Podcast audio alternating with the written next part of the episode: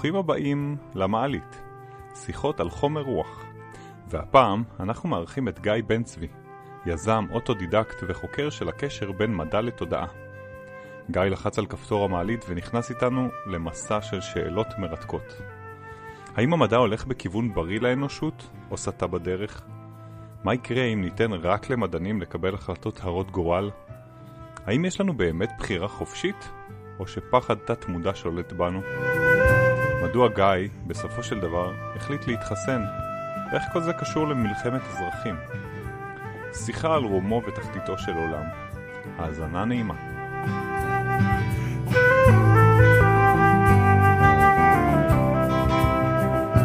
בואו נפתח בזה שהזמנו אלינו למעלית היום את גיא בן צבי. ואני אגיד כמה מילות אה, איך שאני רואה אותך. אבל שאני לא ארגיש טוב מדי. גם עבדנו ביחד לפני איזה שש שנים לדעתי.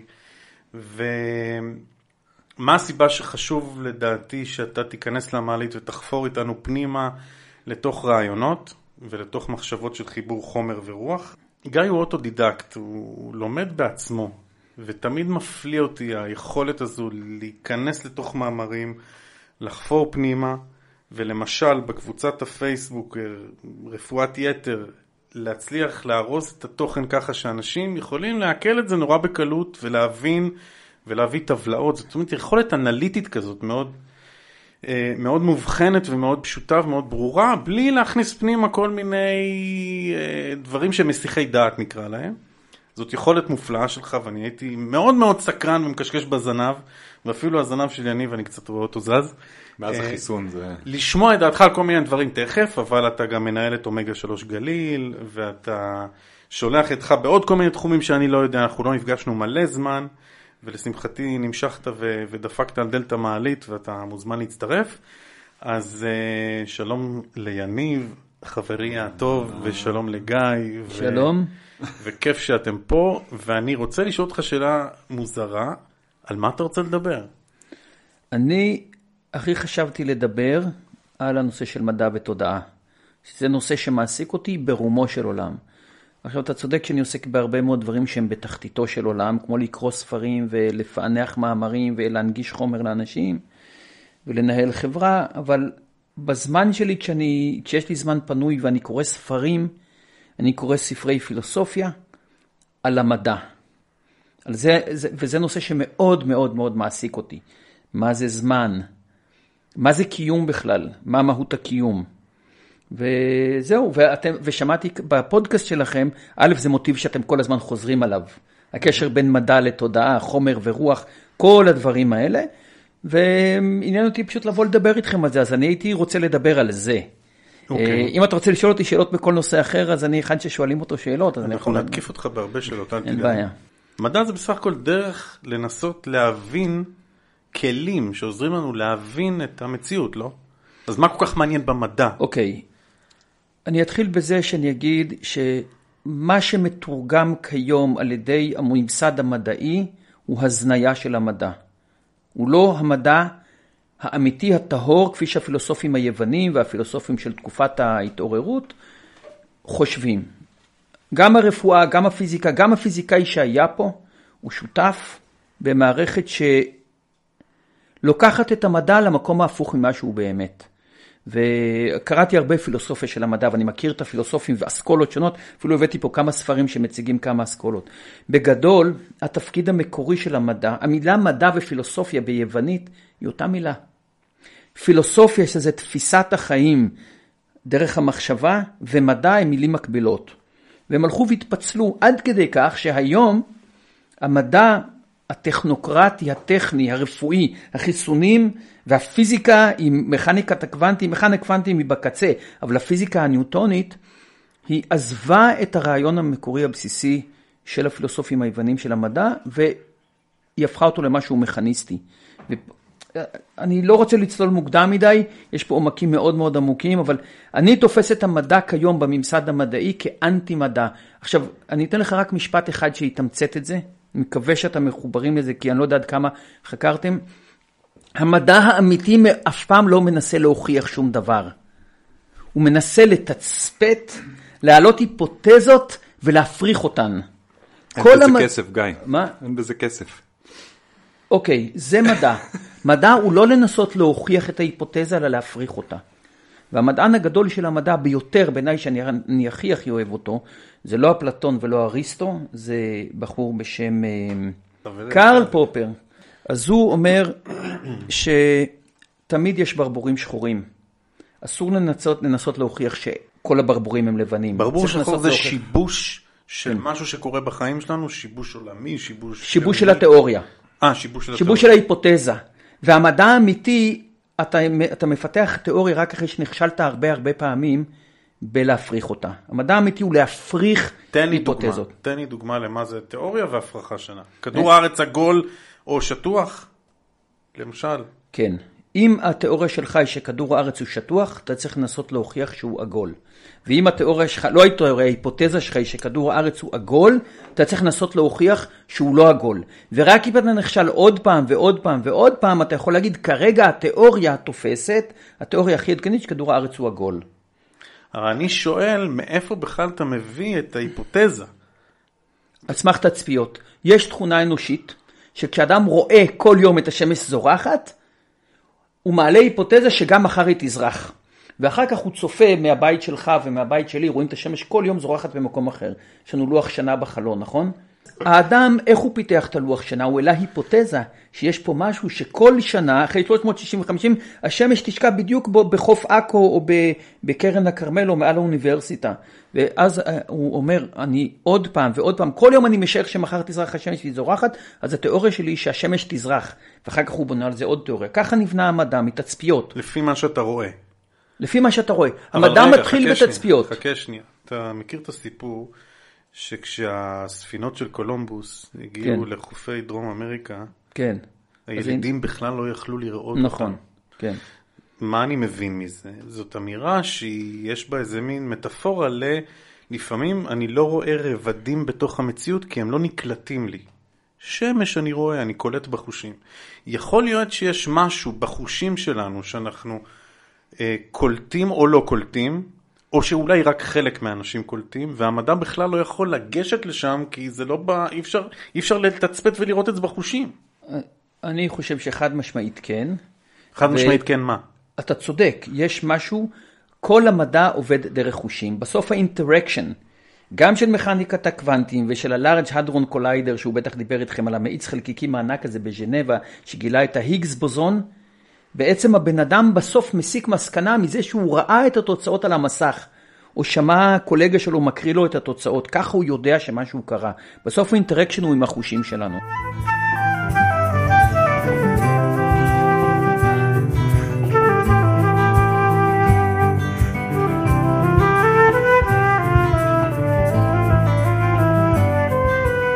יש לי את הספרים של קרל פופר, וכשנחה עליי הרוח ויש לי זמן, אני קורא אותם, וזה פשוט... אה, מה האיש אומר? תן לנו את זה ב... האיש, אוקיי, האיש הוא, הוא הפילוסוף של המדע, וגם פילוסוף של הפוליטיקה. הוא כתב ספרים ומסות, ואתה יכול לקרוא אותם באותם ספרים. גם על הפוליטיקה, מה זה פוליטיקה, ומצד שני על מה זה מדע. הוא אפילו עושה ביניהם את החיבור, למרות שלא לחלוטין לחלוטין הבנתי. בגדול הוא היה בתקופה שהיה מאבק בין ימין ושמאל, שזה בין אה, קומוניזם לקפיטליזם, או בין סוציאליזם לקפיטליזם, והוא מנסה, הוא, הוא כתב, אנחנו נסחפים עכשיו לפוליטיקה, הוא כתב ספר שנקרא The Open Society and its Enemies, ולקח סורוס, שפופר הוא בעיניו האויב הכי גדול שלו. סורוס אתם מכירים, ג'ורג' סורוס כיום. פחות. Crossed my mind, אבל אני לא... אוקיי, נציג השמאל הגדול, אוקיי. שהוא יהודי מיליארדר שמנסה לכוון את, העולם לכיוון של סוציאליזם. תורם להרבה מאוד עמותות בישראל, שאני קורא להן אנטי-ציוניות, אבל מאוד מאוד ידוע. וקרל פופר כתב ספר בעובי כזה שנקרא The Open Society and its Enemies, ו-The Open Society זה חברה שהיא לא קומוניסטית, לא קפיטליסטית, אה, לא קומוניסטית, לא סוציאליסטית, היא קפיטליסטית ומבוססת על עיקרון ה laissez-faire הצרפתי של תן לעבוד, תן להרוויח. כן. כן. והוא טען שהממסדים, רוב הממסדים, חוץ מממסד שהוא בעיקרון קפיטליסטי, הוא אויב של החברה הפתוחה. ועכשיו ג'ורג' סורוס הקים עמותה ענקית שנקראת The Open Society. וזה בעיניי אה, משהו מאוד אה, אירוני, שהאויב הגדול של ה-open society פותח עמותה שנקראת The Open Society. שאלה אם הוא עשה את זה במודע בכוונה, או שהוא... אה, לא יכול להיות שלא. יצא לו את אותו לא יכול להיות שלא. אבל עזוב, אבל פופר בנושא המדע אומר שאין דבר כזה להוכיח היפותזה, יש רק להפריך היפותזה. אין דבר כזה להוכיח. אני אוהב את הנקודה הזאת ואני רוצה להגיד לכם למה בעיניי אה, מאחורי הדיון הפילוסופי על המדע יושבת תפיסה שאנחנו בטח גם פה בפודקאסט מתעסקים בה והיא תפיסת האדם בעצם, כן? מי הוא האדם, ה... סליחה שאני אומר את זה בביטוי כזה, אבל מי הוא האדם האידיאלי, כן?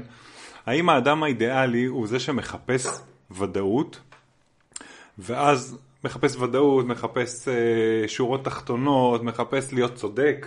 ביטחון. כן? ביטחון, במחר, מהמקום, ודאות. ביטחון מהמקום נכון. הוודאי, ואז מן הסתם המדע, שמעבר לשירות הכלכלי שלו, יש לו גם שירות, אה, אתה יודע, שאנשים יגידו, יהיו בדיון כזה, וייתנו שורות תחתונות, אני יודע. יהיה לי חיסון. אני לא אמות מקורונה. בדיוק.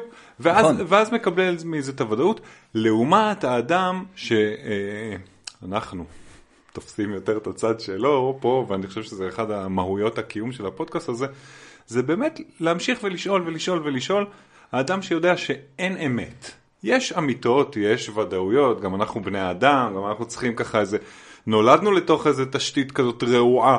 אה, מבחינה אנושית, שאנחנו צריכים כדי לשרוד משהו, שיהיה לנו בית, קורת גג כאלה. אבל, אבל אנחנו מוכנים להגיד, אין אמת, יש, אה, יש רעיונות שמתפתחים ו, ו, ואנחנו חיים בתוך דינמיקה של הפרחה לעומת מציאת ו- כן. ודאות, הפרחה וזה. יניב, ו, ויש פה... אפשר לצאת חוצץ רגע? אפשר? נגד מה? עוד לא אמרתי נגד מה כלום. שאתה אומר, כי אם אתה אומר הכל כל הזמן, יש ודאויות, אבל אני לא אוחז בהם, ויש איזה משהו שאני אני חושב שאנחנו לומדים כל הזמן, ולומדים ומטמיעים ובונים לבנים בהבנה של מי אנחנו. למשל, ניקח את החיסון הזה. עצם זה שיש לך פה חמישה מיליון, או כמעט חמישה מיליון מחוסנים פעם שנייה, והמגפה רק יורדת, עובדה, זה עובד. וכל המתנגדי חיסונים וכל הקונספירציות וכל הדברים האלה, עובדה, יש למדע משהו, רוצה- רגע, שנייה, משהו לעזור לנו בלבנות את הלבנה ולהבין ככה מתמודדים במלחמה הזאת. זה לא אומר שהמלחמה הבאה תהיה אותו דבר, אבל לפחות בוא נסמוך. יש בזה סכנה, כי אתה, אם אתה משליך את יהבך רק על המדע ואתה אומר, אני אתן לכמה מדענים לארגן לי את ה... את ה אז זה מסוכן. כשאתה אומר בוא נסמוך, אני שומע, בהתחבר למה שנאמר פה קודם, אני שומע בוא נסמוך על התצפית, אוקיי? לא בוא נסמוך שזאת האמת ואין בלתה, אלא יש תצפית. ועל התצפית הזאת אפשר לבסס את המשך המחקר. אבל לבוא ולהגיד זאת האמת ואין בלתה, זה תוקע. רק, רק שתדע שפופר, שהוא מתנגד גדול, אפלטון אמר, נסמוך על הפילוסופים, והוא התכוון לסמוך על המדענים. המדינה תנוהל על ידי מדענים. מדינת ישראל הולכת כיום בגלל ההצלחה הגדולה של החיסון, שזה מאוד מפחיד אותי, לסמוך על מדענים. לסמוך על מדענים. ופופר אומר, אין אויב גדול יותר ל-open society מהמדענים. למה אתה קורא אופן סוסייטי? החברה שהיא, שהאדם הוא חופשי. בין, ב, ב, בתפיסה של סורוס, בתפיסה של אפלטון, האדם הוא עבד של המכונה שבאה לשרת את האדם. אבל בסופו של דבר המכונה היא העיקר, המדינה היא העיקר, המפלגה היא העיקר, אתונה, העיר אתונה היא העיקר, או המעמד השלט באתונה הוא העיקר. אבל זאת מערכת. וה open society, ה laissez-faire, תן לעבוד, תן לסחור, תן לטעות, תן לפשוע ואני אשלם את הדין. אוקיי, תן לי לנסוע בלי חגורת בטיחות ואני אשלם את המחיר על זה. אתה הלא מקדש- טוטליטרי. זה, זה מה שפופר אומר, והוא יוצא נגד הצד הכובל. זה open society, מה שאתה אומר בעצם זה שתן את הכוח המלא לאינדיבידואל. לבחור. ולהחליט. רגע, אבל אם אני אעשה את זה, אם אני עכשיו נותן לא לקבוצת. אנשים, רגע, הוא לא אומר אנרכיה. אה, כי אתה אני רצית לא לקחת. אותי לאנרכיה. נכון. לא, לכן קבוצת מתנגדי החיסונים צודקת ב-90% מהמקרים וטועה במקרה של הקורונה. יש דבר כזה. אין, אני כל הזמן אומר בקבוצה, אם אתה קורא בה, זה שמשרד הבריאות טועה ב-90% מהפעמים, זה לא אומר שב-10% מהפעמים הוא לא צודק. ובמקרה של הקורונה, למה אני אמרתי בסוף שאני נכנעתי, ל, ל, נכנעתי למציאות? אני ראיתי מהמחקרים, מהתוצאות, שהחיסון הזה באמת הוא נכון, הוא גם לא מזיק והוא גם מועיל. אני רוצה לקרוא לזה, רגע, חכו שנייה, אני מסתדר בכיסא ולהגיד פה בקול רם, שגיא בן צבי, למרות האמירה של רפואת יתר, התנועה הזאת שאתה הקמת, של כמה יש שם? 6,500, 7,000 אנשים בתוך הקבוצת פייסבוק, ועוד, 6,500. ועוד, לא יודע, מאות מטפלים שם. כן. ואנשים שצורכים את אומגה 3 ומכירים את הפעילות הענפה שלכם, אתה הלכת והתחסנת בסופו של דבר. נכון. הוא מסביר למה. למרות, אני שם את זה פה באמירה גדולה שכולם ישמעו, לא כדי להביך אותך, אלא לא, לא, כדי, לא בכלל. כדי, לפ... אנחנו נבין שהגמישות הזאת, הגמישות בחשיבה והנכונות שלנו לקבל את זה שהמציאות היא הולכת ונהיית אינטנסיבית יותר ואנחנו צריכים לקבל החלטות מהר ולחשוב מהר ולהגיב מהר ולשנות גם עוגנים מאוד גדולים שחשבנו שהם נכונים לפני יום. עליי לפעמים צוחקים, רגע, אני זוכר שאתה אמרת לפני שנתיים או לפני חודש שיהיה ככה, איך אתה משנה את דעתך? רק חמור לא משנה את דעתו. לנוכח המציאות. הכי פשוט זה להגיד את האמת, לנוכח המציאות. זהו. אז איך החלטת להתחסן בסוף בכל זאת? לנוכח, כי קראתי את כל המחקרים של פייזר ומודרנה, וראיתי שההוכחות שעומדות בעיניי, בפניי הם שזו פעם ראשונה שאני רואה חיסון שהוא יעיל ולא מזיק. הם תמיד אומרים לי החיסונים הם יעילים, והם, הם יעילים ולא מזיקים, או יעילים ובטוחים, ואני טוען שכל החיסונים, עד החיסון הזה, הם לא יעילים וכן מזיקים. לכן לא חיסנתי את הילדים שלי מרגע שהבנתי את זה, וגם בעצמי לא התחסנתי.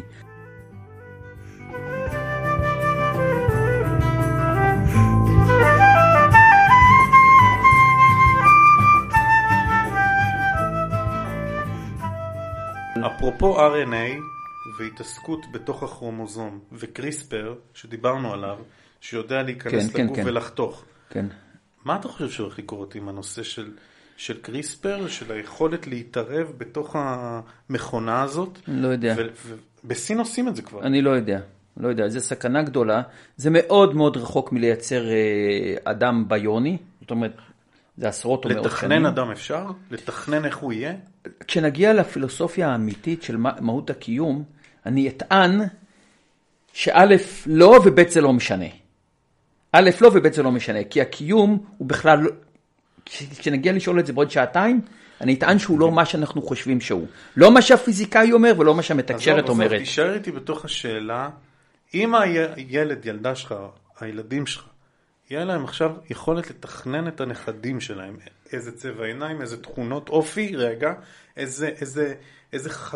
לא יודע, אם נגיד למשל בסריקת DNA שלהם, יגלו שיש להם איזה מחלה ו- ורוצים לחתוך את המחלה הזאת, אתה ממליץ? אוקיי, אני מסרב להתייחס לשאלה. מכיוון, מכיוון שהיא גם לא מעשית והיא גם לא השאלה הנכונה. אז פוליטיקאי חביבי. פוליטיקאי. גם פוליטיקאי. לא, אני לא מפחד לענות עליה. אני חושב שאלפי. בני אדם ידונו על זה בז'ורנלים מדעיים ובעיתונים ובזה. האם המהות של הבן אדם נקבעת לפי צבע העיניים שלו? אני מדבר על תכונות אופי שהן נסתרות. האם לבן אדם יש יכולת ל... תכונות האופי הן לא גנטיות. אפילו הפרעת fucking קשב היא לא גנטית. מותר להגיד את המילה הזאת? את ה-ing word הזאת? אפילו אין, תכונות אופי, אין להם גנים. יותר מזה, אין להם אפילו כימיקלים. זאת אומרת, לא אח- רואים את, ה, את החוש ה... לא יודע מה, החוש המוזיקלי שלי, לא רואים את זה ב-DNA? ב- בכרומוזומים? בוא נגיד שיכול להיות שיש משהו בחוש המוזיקלי שניתן לראות אותו ב-DNA, בהסתברות, לא ב-100%, כלומר, יש גנים מסוימים שמאפיינים יותר אנשים מוזיקליים וגנים שמאפיינים אנשים לא מוזיקליים, ואולי זה קשור לעובי עור התוף, אוקיי? האם אנחנו חושבים שרק עובי עור התוף והדבר הזה הוא מה שעושה אותך מוזיקאי? מה שאתה אומר זה שהחיים מורכבים יותר מהיכולת נכון. לחתוך חתיכות בתוך הגנים. נכון, נכון. וזה זה מחזיר אותי, והיכולת לערוך את צבע העיניים, שסביר שצבע העיניים זה דבר שהכי קל לעשות אותו, כי הוא מבוסס רק על גן אחד שיש לו איזה ארבעה או חמישה אללים. בסך הכל, זאת אומרת, יש מעט מאוד אופציות לצבע העיניים, יחסית. צבע עור זה הרבה יותר מסובך, שלא לדבר על צבע שיער, אז כל הדברים האלה. אז להנדס את זה, יכול להיות שיצליחו להנדס צבע עיניים, אז מה? זה לא מה שמעניין. שום משמעות. קודם כל יש אנשים שזה מאוד מעניין אותם, אבל מה שמעניין אותי זה היכולת נגיד לתכנת, לבנות אדם שהוא למדן, או לבנות אדם שהוא מכונת דמיון שהאונה הימנית שלו עובדת שעות נוספות והוא ייקח אותנו בהמצאות אני, לאן לא אני יודע. לא מסוגל בימי החיים שנשארו לי, שזה עוד 40 שנה לחיות, אני לא מסוגל לראות סצנריו שדבר כזה קורה. הוא רחוק מאוד מאוד מאוד, ולו מהסיבה הפשוטה שהמדע הפשוט של הביולוגיה, פיזיקה, רפואה, לא מבין את מהות הקיום ואת מהות התודעה. ומי שכן מבין, אין לו גישה למעבדות האלה שעושות את הדברים האלה, כך שזה לא זה. לא זה. זה לא זה. לכן אני לא מפחד מזה. אני כן מפחד מדבר אחר, מבינה מלאכותית. כי בינה מלאכותית כן ניתן לתכנת ולהנדס, וזה קורה as we speak. כשאתה מחפש היום בגוגל, אתה מחפש בבינה מלאכותית. אנחנו דיברנו על זה. ושותלים להם, שותלים להם את האלגוריתם. גוגל מזהה מי זה דני גולן, הוא יודע מה צבע העור שלך, יודע מה שם המשפחה שלך. אגב, זה לא שגוגל יודע, זה בינה מלאכותית יודעת, זה הרבה יותר גרוע, אין אף אחד שיודע את זה. וכשאתה מקיש ומחפש משהו, הוא מלא לך, תופע... הוא מלא לך תוצאות, כי אתה חי בישראל, אתה אדם בעל שיוך מסוים. אתה נעקב, אתה נעקב על ידי בינה מלאכותית. דיברנו על זה. אני, זה בדיוק ככה באיזשהו מקום מתחבר גם למשהו שרציתי להגיד קודם על, ה, על, ה, על האדם, ב, איך קראת לזה? החברה ה... Open Society. Open Society. לדעתי Open Society מחייבת uh, Open People, כן? Uh, אני אומר בצער uh, רב ובביקורתיות לא פחות גדולה, שרוב האנשים במצב התודעתי הנוכחי כרגע לא רוצים, לא שואפים להיות Open People. מה, מה זה אומר פה Open People? בצורה הכי פשוטה, לקחת אחריות, כן? למשל, כי אתה, אתה אומר שאדם יבחר אם לשים חגורה או לא, ויהיה מוכן לשלם את המחיר. fuck, כאילו כמה אנשים אתה מכיר שמוכנים, שיגידו לי מה לעשות, שיגידו לי, שייתנו אז- לי עבודה, אז איפה, שיעשו לי זה. אז איפה ו- נמצא המאבק? אז- אם 90% מהאנשים רוצים ללכת כמו עדר כי זה מה שנוח להם, איפה או. נמצא המאבק? עכשיו, מה זה המאבק? מאבק למה? בין ה-open society וה enemy שלה. עכשיו, אה, אה, תראה, אה, זאת שאלה, כי השאלה אם באמת, קודם כל אם יש איזה majority, אם יש איזה רוב אה, קריטי, רוב מספיק גדול שרוצה בכלל כל רעיון שהוא, אוקיי? כי אם אה, אתה יושב פה ואנחנו שלושתנו יושבים פה בחדר, ה... במגדל השן שלנו ואומרים, צריכה להיות open society. המאבק מתקיים תמיד בין האליטות. והאליטות האלה באות לידי ביטוי במפלגות. זאת אומרת, יש שתי אפשרויות. או דמוקרטיה שבה אליטות נאבקות על הדרך, או דיקטטורה. בדיקטטורה להמונים אין say, יכול להיות שמצבם יהיה מצוין. היו הרבה דיקטטורות בעבר, שהם היו דיקטטורות נאורות. מה זה דיקטטורה? שלטון יחיד, נכון? כן. ויכול להיות מצב שהשליט יהיה גם powerful וגם graceful, גם, גם מלך. נאור. מ- מ- הוא לא בהכרח חייב. לדכא את האחרים. אז זאת אפשרות אחת, ובה נוח לרוב האנשים, זה בדרך כלל מסתיים במהפכה מתישהו. מתישהו זה מסתיים, השושלות האלה נגמרות. האפשרות השנייה זה שזה מפלגות, שהן נבחרות או שיש להן מאבקי כוח, ואז האמת היא, גם פופר כותב על זה, המאבק הוא בין האליטות.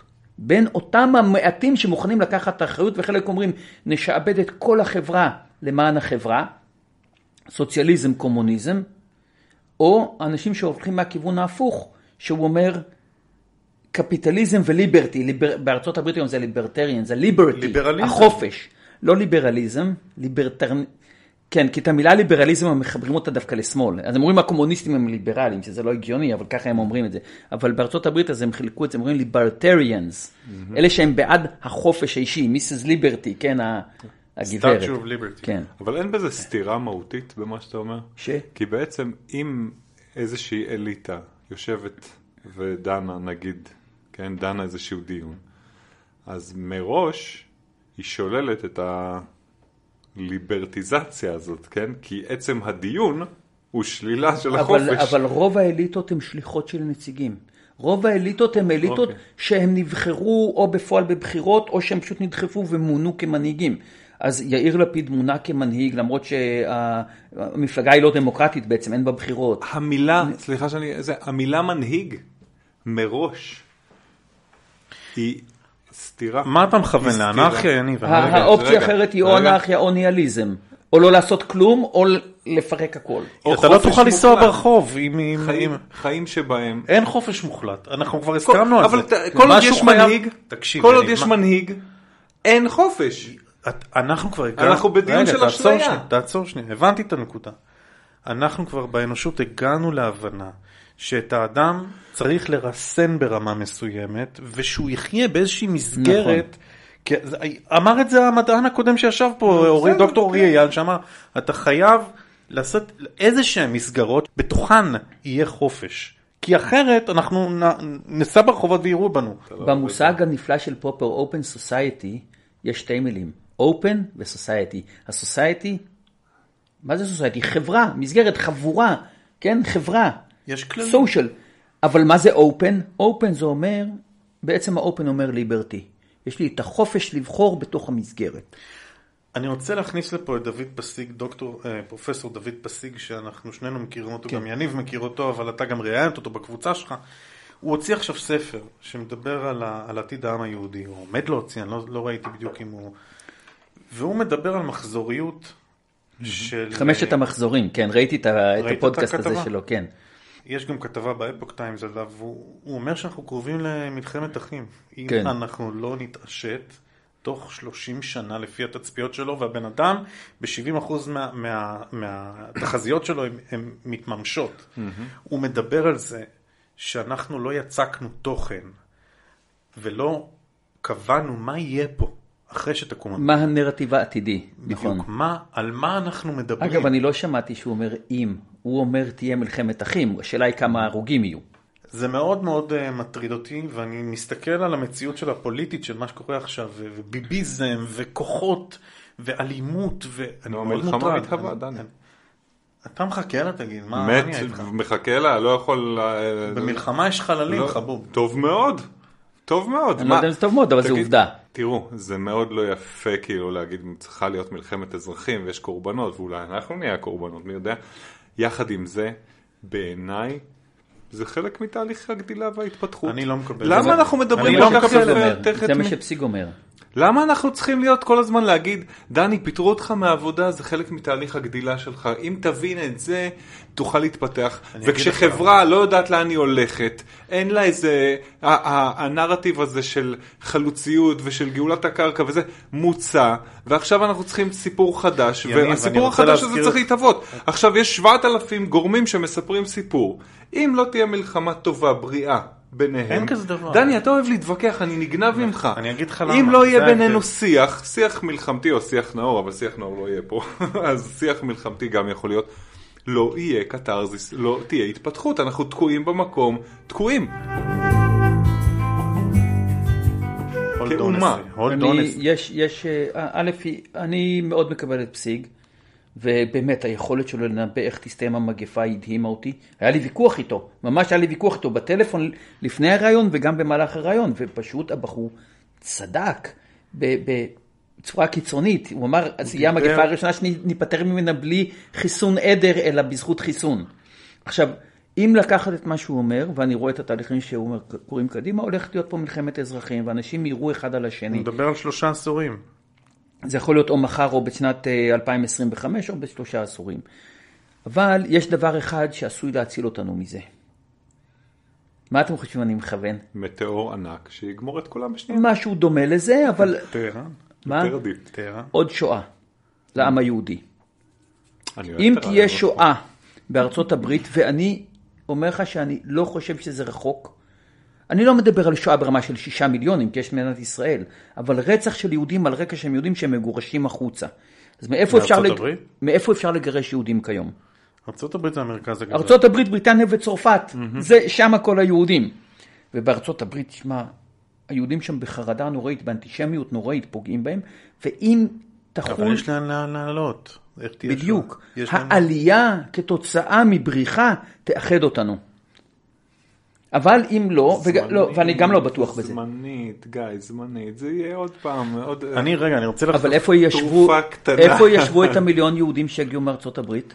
נו, אין פה, אין מקום. חכה שנייה. ישבו, לא, יש, ישבו. מקום, מה אתה מדבר? אתה רוצה את הווילה שלך על חצי דונם, איזה יש מקום? לא, מה זאת. אומרת? יש מלא מקום. יש פה ניגודים מאוד. גדולים. יש ארץ ישראל, מה זה נגב? והשומרון מלא, יש מלא מקום, ישתשבו בשומרון, ואז לא יהיה ויכוח יותר על הנרטיב. אנחנו על גבול לדבר על האנטי-ציוניות שלי מהארון הזה, בוא נתקדם. אני רוצה לדבר על עיקרון. שאני חושב שהוא מאוד מאוד מפותח ומתקדם היום. אתה לא חייב מלחמה כדי להתקדם. בהיסטוריה שלנו היינו צריכים כמה הכחדות, כמה מלחמות כדי לזעזע את האנושות. אני חושב שאנחנו מספיק נבונים היום כדי לעשות את הקפיצות גדילה האלה שאנחנו מדברים עליהם, יניב, ואנחנו הזכרנו את זה כמה פעמים, בלי לח, לכלות את עצמנו. פשוט לא מספיק. צריך לעשות מסע שיווק, חבר'ה, אין מה, אני חוזר לזה, מסע תודעה. ולהסביר להמונים, ואולי אולי אני נאיבי, להסביר להמונים איך כדאי לנו אולי, עכשיו מי אנחנו, מי שם, מי שם אותנו, אבל אולי כן, דיברת על האליטות, אז אולי כן לקחת קומץ של אנשים שינסו לקחת את ה, את ה... בלי לעשות, בלי שאנחנו נהרוג את עצמנו. אפשר להגיע לתובנות בקפיצות גדילה בלי שיהיו פה דרמות של, של קולוסליות של, של שואה, מה שאתה קורא. דני, אני רוצה אתה- לקוות שזה... אבל, אבל ה- האליטות כרגע מתווכחות בינן לבין עצמן, והן מתווכחות בכמה ערוצים, הן גם מתווכחות בכיוון של אה, סוגים שונים של כלכלה, סוגים שונים של חברה וסוגים שונים של מדע, וגם פוליטיקה ו- וציונות ויהדות. זאת אומרת, הנרטיב, האם יהודה ושומרון זה חלק מישראל או לא, הוא מרכיב מאוד מאוד מרכזי בוויכוח בין האליטות, עזוב רגע את ההמונים, בין האליטות. המלחמה תקרה בין ההמונים, לא בין האליטות, אבל האליטות האלה מתווכחות, והן לא מגיעות להבנה, כבר הרבה מאוד שנים לא מגיעות להסכמה, לא מגיעות להבנה. עכשיו, יכול להיות שאם יהיה שינוי פוליטי דרמטי, נתניהו יירצח, או יפרוש, או משהו יקרה, ופתאום תקום פה ממשלה, והיא תהיה או שמאלית או ימנית חזקה, כמו שהייתה בשנת, אה, לפני 30 שנה, בתקופה של, אה, של רבין, אז יכול להיות שבאמת כולם יתאחדו סביב כיוון אחד. אם לא, אנחנו בתיקו וזה מלחמה בין שני מחנות. דני, אני אוהב את הכיוון של מה שאתה אמרת, ככה נתן לי אופציה למחשבה. אתה בעצם אומר שיכול להיות שאנחנו כן יכולים להגיע לאיזושהי אחדות על ידי אה, הגברה של מה שאנחנו גם קוראים פה, הרוחנית, כן? הגברה של כוחות האור אל מול כוחות האופל. אה, כרגע אני חושב שדי, אנחנו יכולים להסכים שכוחות האופל שולטים כלכלית. אני לא חושב. אה, לא חושב שמשהו שולט פה. שליטה, שליטה פוליטית. בוא, לא, אין פה שליטה פוליטית. יש כך- פה ככה כאוס אני- פוליטי. אוקיי, אבל, אבל כשאנחנו חושבים אה, מה אני הם- מרגיש שיש הם המון כוחות שמושכים לכל מיני כיוונים. אבל רגע, המנ- המנגנונים החזקים היום בחברה, לא יודע, אולי אני תמים בעניין הזה, אבל אני חושב שהמנגנונים החזקים עדיין קשורים להון כלכלי. והון כלכלי עדיין כן. מאוד מחובר ל, ל, לגורמים אינטרסנטיים, ש, שבוא נאמר שהשיחה הזאת, או בכלל המגמה לאחדות של כל האנשים באשר הם, לא בדיוק בראש מעייניהם, כאילו הם להפך, הם, הם בעד הפצת הנפרדות, זה עוזר לשלוט כשיש נפרדות בין אנשים, יש פחד. שאנשים פוחדים, שאנשים, אז, אז ככה אני רואה שכוחות האופל הם מה ה- מה אתה השולטים. חושב על זה? אני, אני חושב שהדבר הזה, הוא לא, הוא לא משנה איזה מפלגה בשלטון, תמיד יש את הדבר הזה, המתח הזה. אין ספק לא שברקע עומד כסף. ממשלה, ממשלות מתחלפות, אלא אם כן במהפכה ובכוח הנשק, או מה שהרבה אנשים מנסים לעשות פה מהפכה כרגע. משת... ממשלות מתחלפות בצורה דמוקרטית רק בעקבות בעיות כלכליות, לא בעקבות סכנות ביטחוניות ולא שום דבר, רק כלכליות, וכל עוד המצב הכלכלי, שהוא מה שמניע את העולם, אתה צודק. אינטרסים כלכליים, השאלה אם אינטרסים כלכליים האלה הם באופן סוסייטי או בחברה סגורה, חברה מהונדסת מראש שהכל ממשלתי, הכל מפלגתי, או שהיא חופשית, חברות קמות ונופלות, חלק פושטים את הרגל, חלק מצליחים. ואיפה המדינה מרסנת אותם. זאת היא השאלה, ולא משנה מי יהיה בשלטון, זה תמיד יהיה את המאבק הזה. אתה בואו נסתכל על. האדם הבודד היום בישראל. אדם החושב, נקרא מאוד. בודד, דרך אגב. האם. אתה חושב שהוא באמת חופשי לבחור ולחשוב? או שאולי האלגוריתם מנהל לו את החיים? זה תלוי אם אתה מדבר על החיים ברשת או החיים במדינה. בחיים ברשת יש הנדסת תודעה, ללא ספק, יש מאבקים מאוד מאוד גדולים בין, לצערנו סיליקון ואלי, כי מי קובע מה יופיע בגוגל? לא מנכ"ל גוגל ישראל, אלא מנכ"ל גוגל אה, שיושב בסיליקון ואלי ופייסבוק. אז שמה יש, האדם הוא לא חופשי ויש פה בעיה ויש פה הרבה צנזורה והרשתות החברתיות מנסות למצוא דרכים עוקפות וכל מיני דברים שלא יהיה בהם אה, תכתיבים על מה יופיע, מה מותר ומה אסור להגיד. אבל אם אתה מדבר בתוך המדינה, בחיים שמחוץ לרשת, אז אדם בישראל הוא חופשי לבחור. אבל החיים הם לא בתוך הרשת או מחוץ לרשת, החיים הם מארג. רגע, אז, אני- אז אם אתה מתעלם מהנדסת התודעה של הרשת, ואתה הולך... להתעלם, בר- זה הכל מחובר אחד עם השני. אבל אוקיי, רגע, אבל גיא, עדיין אני- לא אני- השתעבדנו לחלוטין לרשת. אני יכול להחליט למי לבחור בבחירות? אני יכול לבחור אם להתחסן או לא להתחסן? גיא, אתה ראית את הסרט, אתם ראיתם את הסרט בנטפליקס, אה, לא זוכר את שמו, על השליטה של האלגוריתמים בחיינו? כן, אני ראיתי את הסדרה, זה הסדרה, היו כמה... אני לא מדבר קודמים. עליי ועליך או על יניב, אני מדבר על הילדים שלנו, על בני עשרה. רגע, רגע, אני... הילדים אני- הגדולים שלך. אני ממש, גיא, בגלל שאתה גם... אה, אנחנו, אנחנו ככה מדברים גם על התחום הרפואי, נכון? והוא סביבנו, אז אני... כשאתה דיברת על, ה, על היכולת של אדם לבחור, וברור לי שברשת אה, הכל מאוד מהונדס, מאוד שיווקי, זאת אומרת, בא להוביל תודעה, אבל אני, אני גם מאלה שלא קונים כל כך את זה ששולטים בחיינו ושולטים בתודעה שלנו, אה, ברור שאם אני ברשת אז אני, אז אני, אה, אז אני אראה את מה ש, שמראים לי.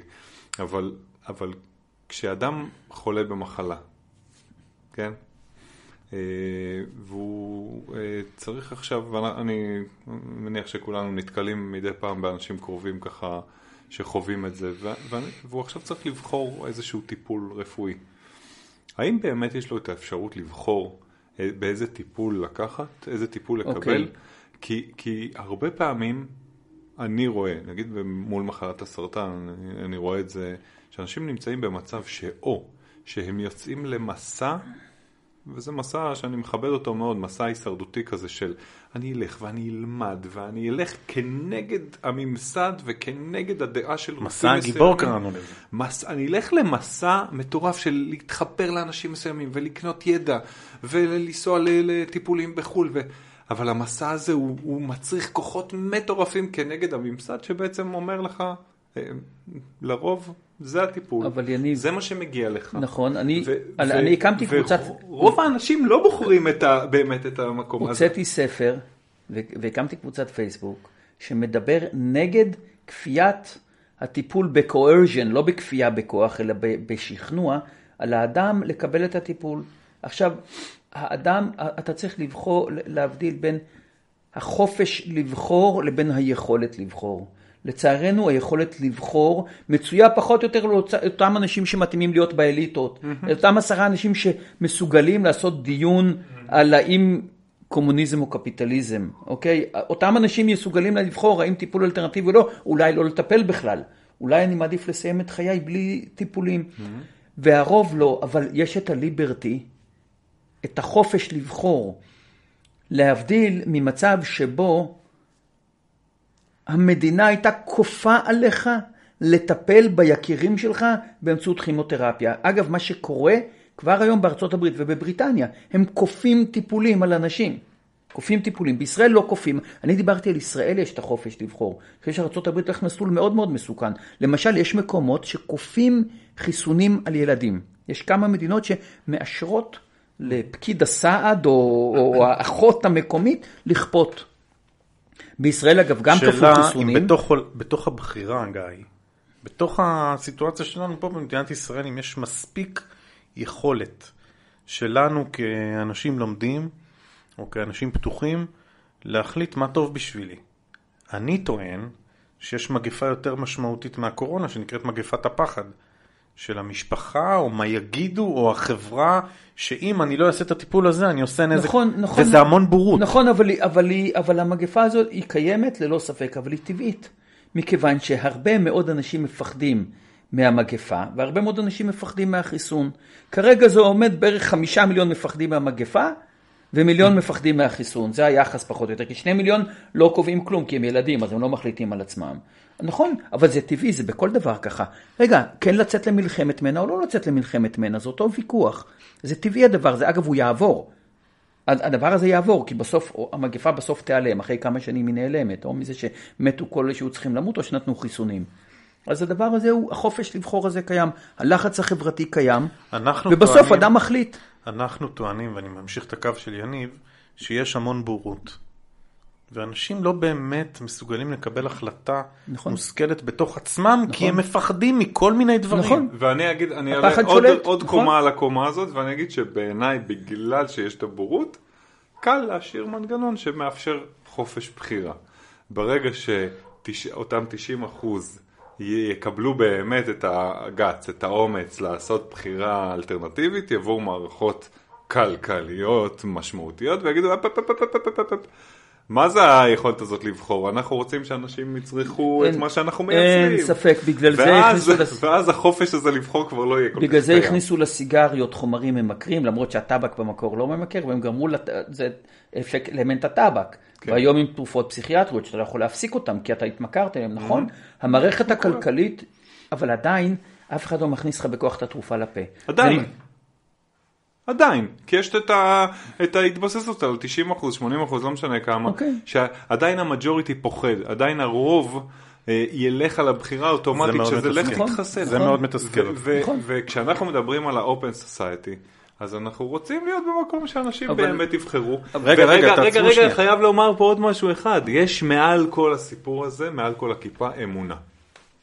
הנה, הנה, אני בא איתך למקום הזה. אמונה. שיכול להיות פה טוב בלי חרא פוליטי, אלא על בסיס נקי נקי נקי. ובעיניי, סליחה שאני אני רק חוזר לנקודה וסוגר, בעיניי כרגע כוחות האופל, גם, גם הגדולים וגם בתוך האדם עצמו, קט- הקטן, שליטים ולכן בשביל שנוכל לפרוץ קדימה, צריך לשחרר משקל. זה, זה בגלל ש... לשחרר משקל, סליחה שאני שוב אומר, אבל זה... זה באמת ל- שתהיה מלחמה. לדלל, יניב, לדלל אוכלוסייה. יניב, הפוליטיקה מוכיחה שבדמוקרטיות, בסופו של דבר, יש שתי מפלגות. גם אם יש 20, יש שתיים. והם הם תמיד, כוחות גדולים. הם גדולים והם תמיד מאוזנים על חצי מנדט. רק בעקבות מלחמה יש פתאום שהמערך לוקח או הליכוד לוקח, הליכוד, הליכוד היה מהפך אז הוא לקח ב-40 או משהו מנדטים. בפועל גם בארצות הברית, גם בישראל, בכל הדמוקרטיות זה תיקו ו-50% מהעם מרוצה ו-50% מהעם לא מרוצה. 50% מהעם שבשלטון, שהמפלגה שהוא בחר בה בשלטון הוא מרוצה, בדיוק מאותם תנאי חיים. בעוד שה-50% האחרים לא מרוצים. בישראל כרגע השלטון לא התחלף הרבה שנים, לכן יש אחוז, ה-50% האלה נקעה נפשם, אני מרגיש שנקעה נפשך.